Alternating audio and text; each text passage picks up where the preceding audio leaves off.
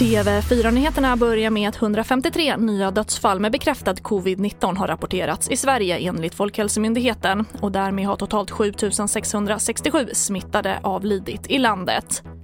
Och på grund av pandemin är det ett ansträngt läge inom vården på många håll i Sverige. Och vårdbehovet i Stockholm är historiskt högt så regionen vill därför ställa in all akut icke nödvändig vård till och med den 31 januari för att få loss vårdpersonal. Ett beslut som ska tas i eftermiddag. Och Sverige har misslyckats med att skydda de äldre under pandemin. Det konstaterar Coronakommissionen i sin första delrapport som publiceras idag. Äldreomsorgen stod oförberedd och illa rustad att hantera en pandemi. Så sammanfattar Coronakommissionen sin övergripande bedömning av smittspridningen inom äldrevården. Och nu klockan 15 håller Coronakommissionen en presskonferens och den kan du följa på tv4.se.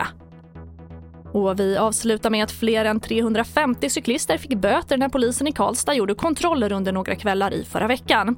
Det vanligaste felet var bristande belysning. Cyklister ska ha fungerande vitt ljus fram och rött ljus bak. Men enligt polisen var det väldigt många som sa att de tänkt köpa eller har lampor hemma.